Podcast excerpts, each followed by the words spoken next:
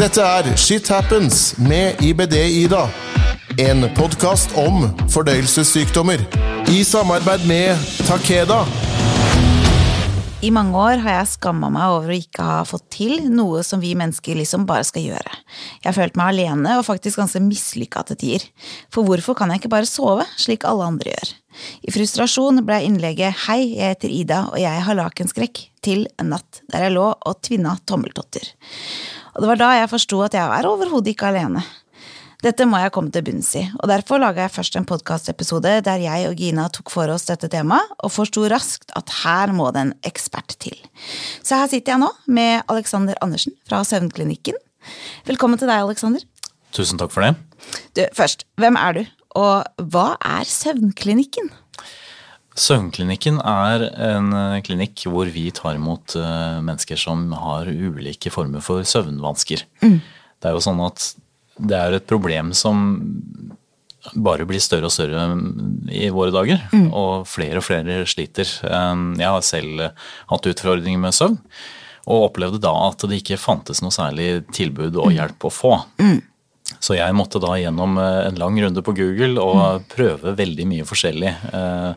Eh, før jeg til slutt fant fram til en terapeut som, som hjalp meg. Mm. Og da bestemte jeg meg at jeg skulle bytte rett og slett studere på nytt og, og bytte jobb. da. Eh, og hjelpe andre med det som rett og slett var veldig veldig vanskelig i en periode i livet. da. Ja, for du var jo en prisbelønna foto- og videojournalist som virkelig gjorde det bra. Men så snudde du helt om. Ja, det stemmer det.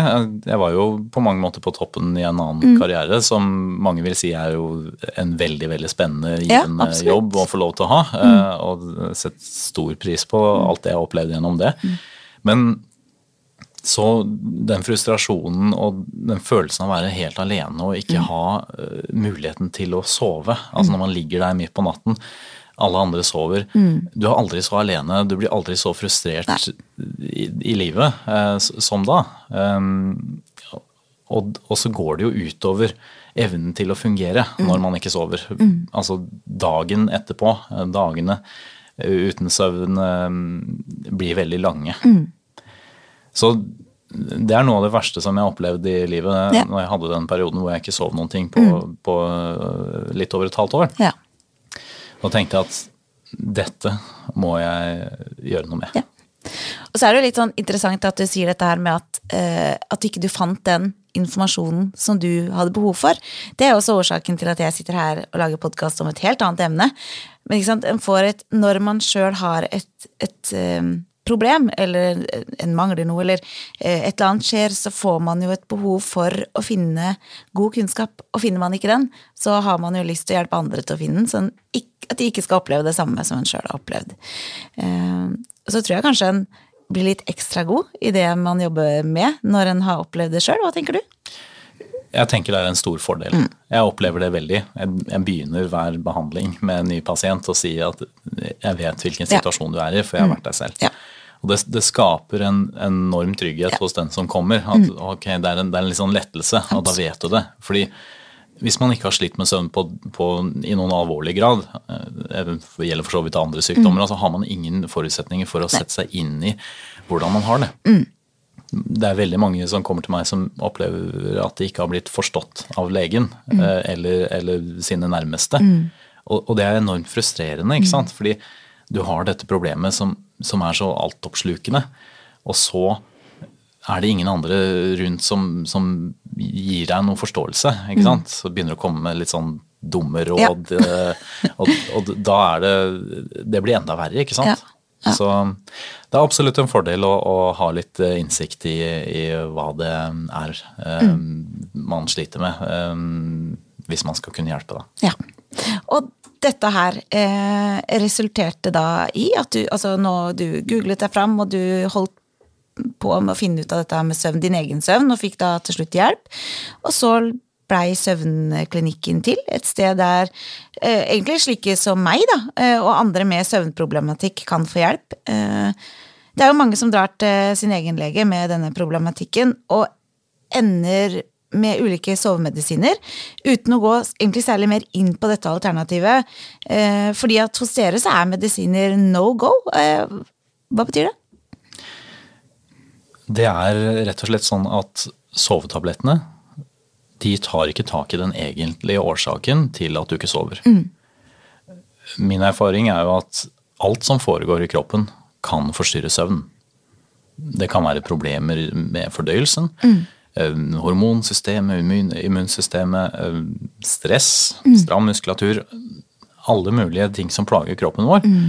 kan forstyrre søvn. Mm. Og da, la oss si at du har et fordøyelsesproblem som gjør at søvnen blir urolig, eller at man våkner om natten f.eks., så fungerer det jo ikke å ta en tablett for det. Det, mm. det kan godt hende at det hjelper deg til å sove gjennom natten, men Der og da, ja. Det bare maskerer problemet. Ja, mm. Litt sånn som hvis du tar eh, smertestillende fordi du har vondt i skulderen, så mm. er det fortsatt vondt i skulderen. Ja. Absolutt. Så sovetablettene er eh, det er en symptomdemping. Ja. Eh, men, men, det hjelper ikke nødvendigvis å ta tak i det reelle problemet, da. Og det er der dere vil. ikke sant? Dere vil hjelpe pasientene så de faktisk kan bli kvitt problemet sitt eller få det bedre. Ja, mm. vi, vi, søker å ta tak i liksom årsaken ja. til hvorfor har dette problemet oppstått. ikke sant? Og, og, og, gi folk noen gode råd om hva som man bør unngå å gjøre. Ja. fordi det er veldig mye vi gjør i det moderne samfunnet mm. som, som på en måte direkte er negativt for søvn. Mm. I tillegg til at vi jobber med en fysisk behandling for å stimulere kroppen til mm. å fungere bedre.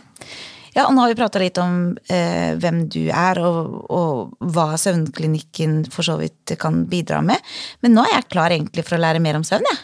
Ja. Eh, vi kan starte med egentlig det ideelle. Hvor mye søvn trenger vi? Og hvorfor trenger vi det? Og ikke minst, hvordan er de ulike sovefasene? Det ble tre spørsmål i ett. Kinderegg. Kinderegg. Da begynner vi med det. At ja. Eh, man bør få et sted mellom syv og åtte timer. Ja. Det er det man har sett med, med forskning, at mm. sover man mindre enn det, så, så, kan det oppstå negative helseeffekter. Altså man vil da slite mer med konsentrasjon f.eks., mm. og over tid så kan du få eh, faktisk andre sykdommer, helseplager, ja. mm. ut av å sove dårlig over lang tid. da. Mm. Man har også sett at å sove for mye kan ha negative effekter òg. Mm. Men et sted mellom syv til ni timer er vanlig å anbefale. Men ja ja, mellom syv og åtte er, er, nok idealtiden, da. Mm. Ja, og, og øh, hvorfor trenger vi det, da? Hvorfor trenger vi søvn? Ja. Det er et veldig godt spørsmål. Mm. Jeg tenker nok det, Hvis du har prøvd å ikke sove en natt, så skjønner du veldig godt mm. at øh, søvnen er viktig. Mm. Til dags dato så er det naturens aller beste forsøk på å gjøre oss udødelige. Mm. Altså å leve lengst mulig. Mm. For i løpet av natten så skjer det veldig mange viktige prosesser i kroppen som gjør oss klar til en ny dag. Mm. Cellene bygges opp igjen, eh, immunforsvaret får eh, restituert, og det produseres nye immunceller. Eh, fordøyelsen mm. bearbeides, mm. kroppen repareres og restitueres når mm. vi sover. Mm. Så hvis vi ikke sover, så, så, går det utover veldig mange Alle, av disse ja. Du raserer kroppens mm. Eh, funksjonsevne ja. fullstendig. Mm.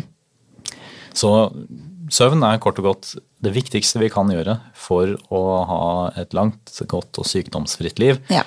Og selvfølgelig at vi får energi. Mm. Ikke sant? Ja. At vi ikke må hente en eller annen falsk form for energi mm. fordi man har sovet lite, så strekker man seg etter kaffekoppen mm.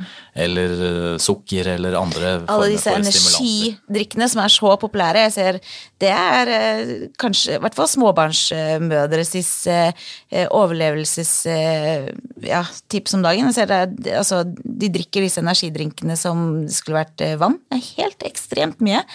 Um, det kan vi sikkert gå inn på litt eh, etterpå. Men eh, disse ulike sovefasene våre, da?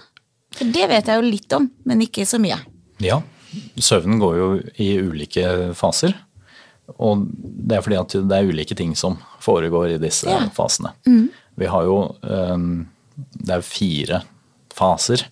Det er tre faser med, som heter non-rem sleep. Altså REM, eller mm. REM står for Rapid Eye Movement. Og så har vi én REM-fasesøvn. Det er da vi drømmer. Ja. Så underveis i natten så skjer det ulike forskjellige prosesser i kroppen gjennom disse fasene. Så man går gjennom disse fire ulike fasene. Så det er én av disse non-rem sleep, det er det vi kaller dyp søvn. da. Det er da virkelig kroppen får restituert og henta seg inn igjen. Så Det er kanskje den viktigste av de, eller?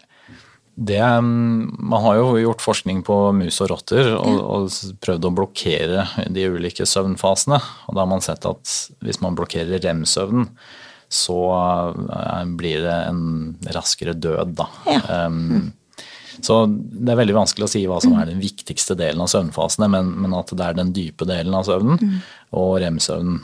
Disse to delene er de viktigste, da. Men får man mindre kvalitet på søvn, altså mindre dyp søvn, så føler man seg ikke så restituert og, og bra dagen nedpå. Så underveis i den dype delen av søvnen så foregår det bl.a. prosesser for å uh, slette minner. Altså man katalogiserer og får, får bort eh, de tingene vi ikke trenger å ha med osv. Mm. Mens i rem-fasen av søvnen så lagres minnene. Ja. Ha. Det Drømmene er jo en del av bearbeiding av minner og inntrykk. ikke sant? Vi går gjennom disse fasene gjennom eh, natten flere ganger. Ja. Mens det er først det er, altså, i første delen av søvnen at vi har mest dyp søvn.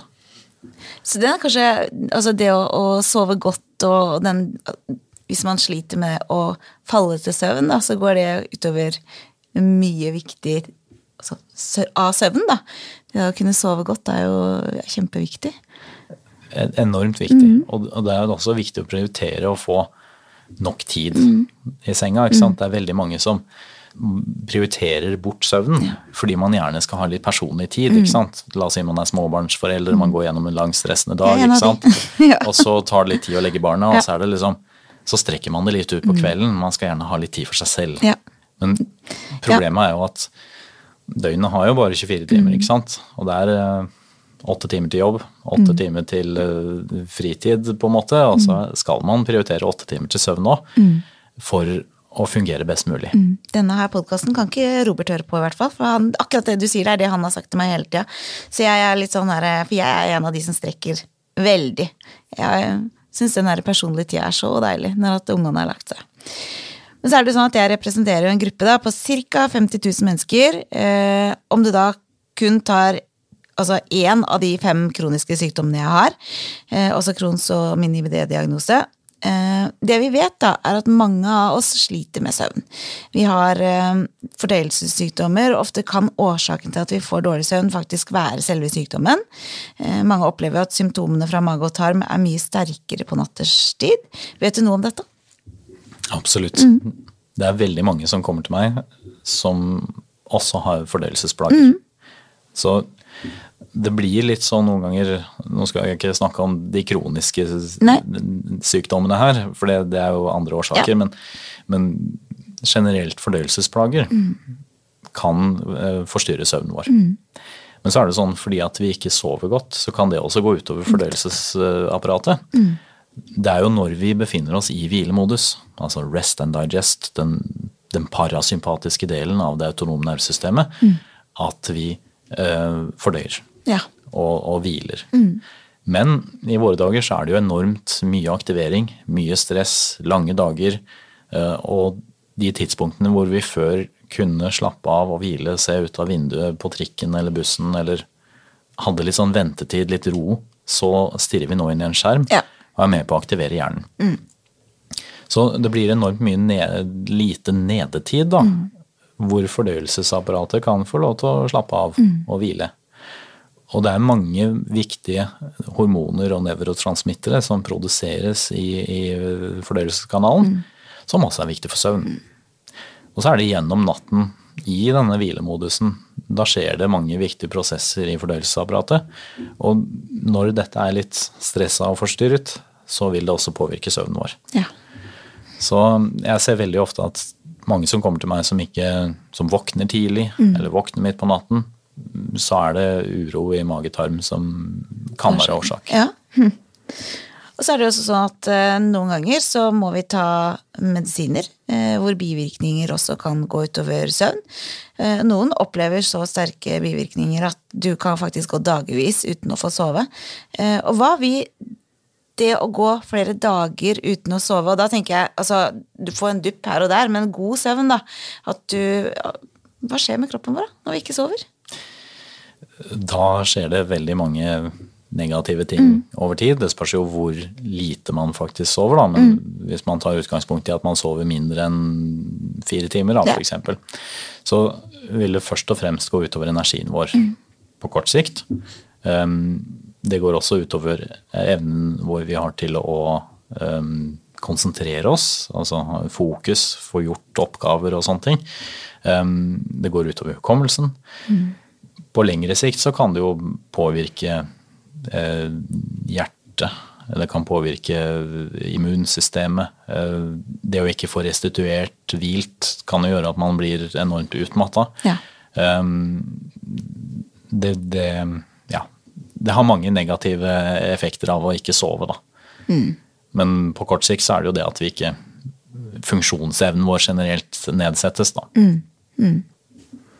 Og fare for eh, Faren da, for for lite søvn er jo, som du sier, ganske stor. Eh, jeg tenker litt på dette her med bilkjøring. jeg. Eh, det er jo i prinsippet ikke noe bedre å kjøre bil ved å være litt utslitt da, og ikke ha sovet godt, enn det er å drikke et par øl. Ja, det, det handler jo om konsentrasjonsevnen vår ikke sant? og evnen til å ha fokus. og liksom, Det er veldig mange ulykker som foregår uh, ved at folk uh, sovner ved rattet. Um, jeg tror NAF har hatt noe sånn hvor de har prøvd å sammenligne promille med, med det å ikke sove. da. Så da har de på en måte Det får de stå med sin sin Ja, ja. Men eh, at du kunne Etter 18, 18 timer uten søvn, så har du ekvivalent 0,5 i promille. Ja, ikke sant. Mens etter 24 timer uten søvn, så er du på rundt 1 i promille. da, sånn i, i de samme negative effektene rundt evnen til å konsentrere seg og eh, hjernefunksjonen. da. Som andre ord så er det jo ekstremt viktig å sove for veldig mange ting. Og driver du da og kjører bil med barna dine, eller har kanskje også kjøring som yrke, tenk på lastebilsjåfører, eller Så er det jo noe å tenke på hvis du sover lite. Da bør man virkelig ta grep. Da er jo søvnen altavgjørende for å kunne fungere i, i den rollen ikke sant, som en lastebilsjåfør. Så um, man um, bør rett og slett prioritere søvnen sin, og det er altfor mange mennesker som, som prioriterer det bort. Mm. Enten bevisst eller ubevisst. Da. For eksempel ved at man um, stresser for mye, ser for mye på skjerm seint på kvelden, har for mye lys på i leiligheten på kvelden, eller det stedet man bor. Um, og så er det veldig mange mennesker som ikke vet hvor skadelig koffein er. Kan du ikke fortelle litt om hva kaffe og koffein kan gjøre for kroppen vår? Det kan jeg absolutt gjøre. Eh, Jeg blir jo aldri populær når jeg begynner å snakke om dette. Det er jo enormt mange som drikker mye kaffe mm. og eventuelt koffeinholdige drikker da, for å bli mer våken og fungere bedre og få fokus på jobb og sånne ting. Det som koffeinet gjør, er at det blokkerer et stoff å bygge seg opp i hjernen som heter adenosin. Det er, man kan på en måte sammenligne det med sand i et timeglass som teller hvor lang tid det er siden du sist sov. Så når det er mye konsentrasjon av adenosin i hjernen, så får man et sånn søvntrykk. Altså man får en trang til å gå og sove og legge seg ned. Um, mens koffeinet da blokkerer dette og gjør deg kunstig mer våken enn du egentlig skal være. Og i tillegg til dette, så Det er jo mange som sier at de kan drikke kaffe eller koffeinholdig drikke sent på kvelden og likevel sove. Men koffein har også en evne til å påvirke kvaliteten på søvnen. Ja. Og det er det ikke så mange som vet. Og når du da eh, får en dårlig søvnkvalitet eh, på, i løpet av natten, så er du nok trøtt om morgenen og griper etter kaffekopp. Så det her kan bli en litt sånn ond sirkel, hvor du drikker veldig mye koffein eh, for å være våken, men så får du ikke den kvaliteten du skal ha på søvnen. Og så er det veldig mange som ikke vet at i en god del mineralvann, eh, energidrikke, sånne ting, så er det ganske mye koffein der òg. Som mange har en tendens til å drikke på kvelden. Ja. Så du tar liksom egentlig eh, litt vekk det folk har som sånne goder, når de kommer som pasienter til deg? Jeg, jeg prøver jo ikke å ta bort alle godene, men, eh, men eh, Og så får de noe annet tilbake. De vil jo få søvnen sin. Selvfølgelig. Forhåpentligvis. Men jeg, jeg, jeg prøver å si jeg, jeg skal ikke ta morgenkaffen Nei. fra deg. Nei. Men koffein har veldig lang, lang nedbrytningstid i kroppen. Og man har sett at hvis man tar en kaffekopp øh, midt på dagen, så tolv timer seinere ved midnatt, så, så, kan det faktisk ha en innvirkning på søvnkvaliteten. Ja. Mm. Og det er ganske lang Absolutt. tid, ikke sant. Og jeg tenker at sliter du virkelig med søvn, så gjør man jo hva som helst for å få den tilbake. Og da er kanskje ikke den kaffen det aller viktigste. Det fins andre alternativer. Det fins jo koffeinfri kaffe. Er det greit? Ja, ja. Det, det, er koffeinet som Det er det som er årsaken, på en måte. Ja. ja. Det er også mange da, som sier at redselen for dårlig søvn eh, vil da etter hvert bli så stor da, når du har slitt med søvnen en stund, at de gruer seg for å legge seg. Eh, man får jo da den berømte lakenskrekken. Utsetter legging, bruker energi på hva hvis jeg ikke får sove nå? Eh, og her trenger vi virkelig noen tips. Eh, hva bør vi gjøre da, for at vi skal komme oss til sengs? Eh, for jeg vil jo tro at søvn starter før du faktisk legger deg i senga. Absolutt så gjør det jo det. Noe av dette handler jo om den døgnrytmen vår. Mm. Og litt som jeg sa, dette med koffein. Mm. Hvis du blokkerer de der naturlige søvnprosessene, så blir det vanskelig ja. å skulle gå og legge seg. Mm. I tillegg så er det jo dette med melatonin, mm. altså mørkets hormon, heter det. Um, det er jo en døgnrytmebestemmende hormon som skal gjøre deg trøtt om kvelden. Men dette reguleres jo av lysmengden som er rundt oss. Ja. Og vi har jo veldig mye kunstig lys mm. rundt oss. Så det kan være veldig lurt å, å skru ned eh, lyset, eh, dempe belysningen veldig, eh, tidligere på kvelden. Mm. Det fins jo mange muligheter til å gjøre dette på en automatisk måte i, i, våre dager, men hvis man tenker tilbake for før i tiden, da, så hadde man parafinlampe, mm. stearinlys, leirbål.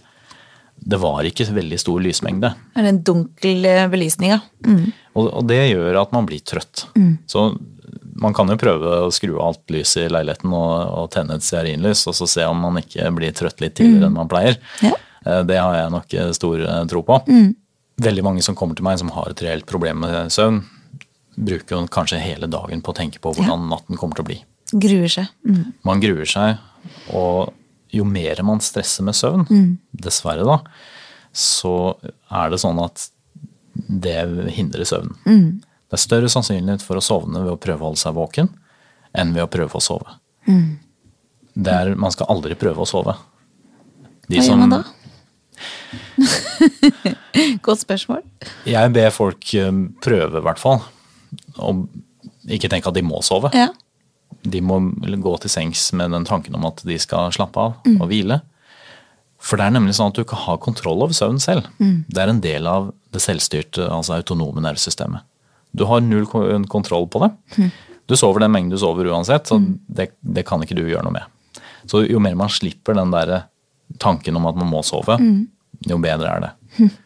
Så det man kan gjøre, er å f.eks. Det hjelper jo veldig bra å få hjernen til å fokusere på noe annet. Mm. Så det å lese en skjønnlitterær bok, historie, roman, eller høre på en lydbok f.eks., mm.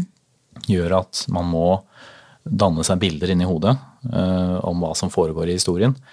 Og dermed så er man på en måte litt nærmere drøm og søvn ved at man spiller den her eh, TV-serien oppi hodet, mm. på en måte. Um, man dagdrømmer litt, da. Ja. Så det kan være veldig bra tips. Mm. Um, og ta bort dette presset fra at du må gå og legge deg til et fast tidspunkt også. Ja. Uh, fordi det legger også mye press på. Mm. Og nå er klokka ti, nå må jeg gå og legge meg. Så egentlig, det er ikke så innmari viktig da med den der å legge seg og stå opp til samme tid? Er det det du Å stå opp til samme tid. Det er viktig. Det er viktig. Ja, men ikke å legge For det er det som setter døgnrytmen. Ja. Eh, når du står opp, og at du får mye lys på det tidspunktet, mm. det er det som er med på å nullstille døgnrytmen. Så når man sliter med søvn, så tenker jeg at da trenger man ikke ha så mye press på akkurat når man skal gå og legge seg. Um, men man må jo prioritere innenfor et gitt tidsvindu og gi seg sjøl de åtte timene i mm. senga, selvfølgelig. Mm. Vanlige mennesker som ikke sliter med søvn, de burde legge seg til fast tid og stå opp til fast tid. Nå har vi snakka litt eh, om hva søvn er, og hva som skjer ved for lite søvn, og hvordan vi kan forberede oss i forhold til det å få god søvn. Så nå tenker jeg at vi må over til kanskje det som er aller viktigst. Eh, hvordan faktisk få denne søvnen til å komme til oss når vi vil at den skal komme. Eh, hvordan skal vi få orden på den søvnen, da, og hvilke positive helsefordeler vil da komme? Så vi begynner med å gi oss litt tips. Hvordan skal jeg klare å legge meg? Er det å telle sauer? Fungerer det? Stikkordet er jo kjedsomhet. Mm. Ja. Det skal jo ikke være engasjerende å gå og legge seg og sove. Nei. Så jeg har ikke noe tro på å ligge der og telle sauer. Det kan hende at det fungerer for noen, liksom. Eh, jeg vet jo noen har litt sånn derre hører på podkaster med folk som leser sakte, kjedelige mm. ord og sånn. Ja, det kan sikkert fungere for noen, men det handler om at du ikke skal være aktivert. Mm. Og noe av det som aktiverer oss aller mest, er disse skjermene vi har rundt oss. Og sosiale medier. Ja. Um, så det å kutte ned på den skjermbruken tidligere på kvelden Ja, Hvor tidlig da? For det, det, det du sier, er jo noe veldig mange nevner. ikke sant? Bort med skjermen. Men når tenker du Hvor lang tid tenker man at man bør være uten skjerm? Og gjelder det TV også? Er det sånn at man må Jeg tenker det er bedre med TV enn med mobiltelefon. Ja. Fordi det som foregår der, er mye mer aktiverende ja. enn om man ser på en film eller en mm. TV-serie eller noe sånt. Ja. Um, jeg pleier å si ingen skjerm i den siste timen før man skal legge seg. Ja. Men aller helst så burde man legge bort telefonen og ikke bruke den når man kommer hjem. Med mindre man trenger den til noe. Mm. Ja, for det er jo ikke til å legge under en stol at vi bruker mye tid på telefoner eller på iPader. Eh, og det er jo sånn tankedødt. Det er jo sånn derre eh, Det er nesten litt sånn avhengighetsskapende. Eh. Veldig. Det er jo designa for at du mm. hele tiden skal være nysgjerrig på mm. hva som fins videre lenger ned i feeden, ikke sant. Mm. Um, så, men det er jo veldig aktiverende for hjernen. Mm. Vi må prosessere all den informasjonen som er der, selv om det føles avslappende. ja, for det er akkurat det jeg skulle fram til. Fordi eh, jeg vet jo om veldig mange som, når de ikke får sove, eh, så står de opp eller tar fram telefonen for å gjøre noe sånn at de skal bli trøtt, er det de sier da. Kan jeg eh, ligge og se på telefonen en time, så blir jeg trøtt av det. Men det mener du er egentlig ikke riktig, eller? Det kan nok fungere for noen, men, men det er jo delvis litt motproduktivt ja. også. Ja, det er viktig å ha noe som hjernen får fokus på, mm. men det er mye bedre å lese en bok eller, eller høre på en lydbok mm. enn det er å stirre på, på, den skjermen. Så det er bedre å bruke ørene enn å bruke øynene? Ja. Mm kort og godt. Men ja. du kan jo bruke det til å lese, men, ja. men det er, det er liksom det å, å, å, prosessere informasjon, da. Mm. Som er en problem. Så hvis, hvis, du leser en eller annen fagbok, f.eks., mm. så er ikke det heller direkte um, optimalt. Nei. fordi at vi må bearbeide informasjonen. Da. Skjønner. Og så er det noe som eh, egentlig jeg kom over her om dagen. Det er disse brillene som man kan bruke for å hindre at dette lyset som kommer fra, ja, fra Mac-er eller fra TV-skjermer eller ja, dette blålyset eller hva de kaller det, kan det ha noe innvirkning? Kan det faktisk hjelpe oss til å sove bedre? Det kan hjelpe oss til å uh, filtrere ut det blå lyset mm. som gjør at hjernen tror at det er dag, mm. og dermed blokkerer melatoninutskillelsen. Mm. Um, man kan også gjøre det på den måten. Nå finnes det jo mange bedre funksjoner til å, å sørge for at uh, datamaskinen eller telefonen stiller seg inn med en varmere fargetemperatur ja. på mm. E-, ettermiddag kveld. Mm. Uh, det bruker jeg f.eks. Mm. På Apples uh, sine ting så er det night shift. Ja. Um, så, og jeg vet Android har noe tilsvarende. Mm. Mm. Så det, det, gjør jeg, da. Mm. Men hvis man vil være jeg tenker sånn, Jo mindre man må gjøre for å sove, ja. hvis man føler man må ta på seg noen briller eller gjøre noen sånne ritualer, ja. jo mer løftes søvnen opp på en sånn pidestall som på en måte mm. er eh, mer uoppnåelig. Da. Ja. Jeg, jeg, tenker at man skal gjøre minst mulig for å få sove. Mm. Og dette her med søvn er jo biologisk. Eh, noe kroppen styrer egentlig selv, helt fra vi ligger i magen til mor. Noen ganger så skjer det noe allerede fra vi er ganske små som forstyrrer søvn. Hvor viktig er det da å ta tak i dette her så fort som overhodet mulig? Jeg vet om små, små barn som eh, sliter med søvn. Jeg tenker at jo raskere man tar tak i det, jo bedre er det for det nye livet. da. Fordi at søvn er enormt viktig for barn. For utviklingen av hjernen og, og for kroppen, for vekst. ikke sant? Det er jo når vi sover og er i hvilemodus at alle disse positive tingene skjer. da. Så jeg synes at fordøyelsesproblemer hos de minste er nok den største årsaken til at de ikke sover som de skal. Ha. Um, det er jo det siste som utvikles hos mennesket, og, og som er veldig utsatt da, um, for nye barn i, i, i livet. Da. Så um, å se litt på liksom, hva slags type mat er det man gir.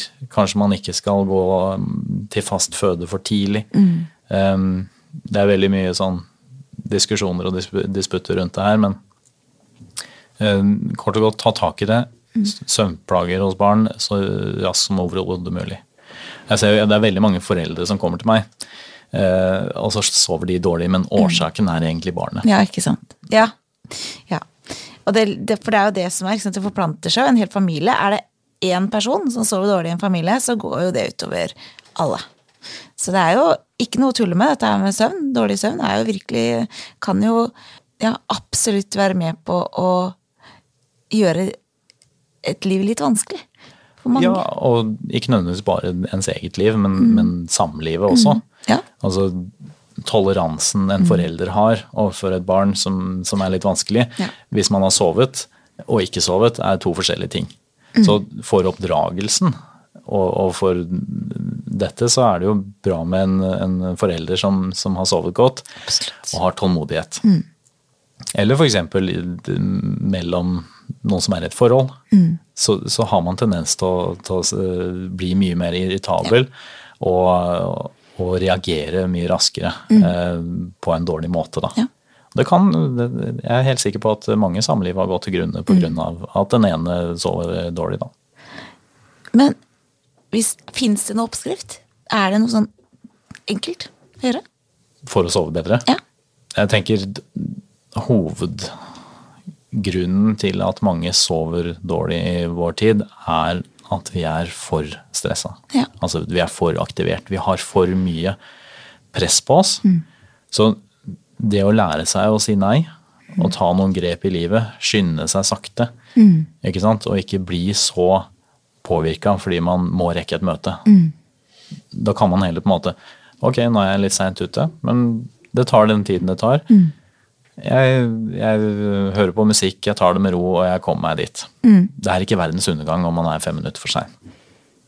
Så det å liksom legge opp hverdagen og, og prioritere ting, da, gjør, som gjør at du, du får en roligere, et roligere liv, er viktig for søvn. Fordi biologisk sett så er vi jo ikke ment til å holde på på den måten. Det er jo sånn den følelsen man har i kroppen etter tre uker sammenhengende ferie.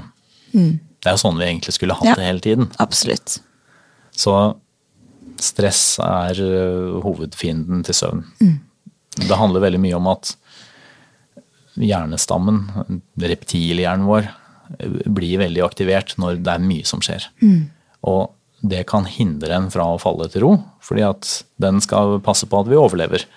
Og hvis den tenker på en måte, altså for 10 000 år siden da, var det noen ville dyr i området, eller rivaliserende stammer, eller hva det nå var, så skulle vi jo ikke sove. Nei, ikke sant. Og, og det er denne responsen som veldig ofte kobler inn når man sliter med å sovne. Man faller ikke til ro, man, man er urolig, og det er fordi at aktiveringsnivået er generelt altfor høyt. Nå har vi fått svar på utrolig mye, men jeg pleier alltid å spørre gjestene mine om de kan gi et siste lite tips eller råd før vi avslutter. Ikke bry deg om søvn, Rett og slett. rett og slett. Bare- Bare, dropp det, dropp det. gi opp kampen. Ja. Um, ja, det er, det, det er mitt beste tips når det kommer prøv å ikke, prøv å ikke lese opp og holde på og jobbe så mye med det, på en måte. ikke bry seg så mye. Altså, vi, vi har jo en tendens til å på en måte skulle gjøre mye når vi har et problem. Men med dette problemet så, så skal man egentlig gjøre minst mulig og bry seg minst mulig om, om det. Man skal legge seg ned for å slappe av, for å hvile når man er trøtt. Og høre på kroppen. Ikke, ikke legg noe press på det. Dette med søvn er vel som uh, mye annet. Det er først når du ikke fungerer, enn en forstår hvor viktig det faktisk er. Aleksander, Alexander, tusen takk for at du tok deg tid til å komme hit til Skitappens med BD i dag. Tusen takk for det. Alexander og hans kollegaer er klare for å hjelpe deg om du sliter med søvn. Du finner informasjon på søvnklinikken.no. Husk en O istedenfor Ø. Åpenhet det gir kunnskap, og kunnskap det gir trygghet. Om du som hører på har spørsmål til dagens episode, ris eller ros, ønske om tema og tips til gjest, eller kanskje ønsker å dele egen historie, så send meg mail på ibd-ida alfakrølloutlock.com. Du finner meg på Facebook som ibd-ida, og på Instagram som shithappens understrek med understrek ibd-ida. Til vi høres igjen, visste du at rekorden for å være lengst våken er på elleve døgn? Randi Gardner har denne rekorden, og flere som har prøvd å slå den, har dødd i forsøket så det er absolutt ikke å anbefale. Du hørte Shit Happens med IBD-Ida. En podkast om fordøyelsessykdommer. I samarbeid med Takeda.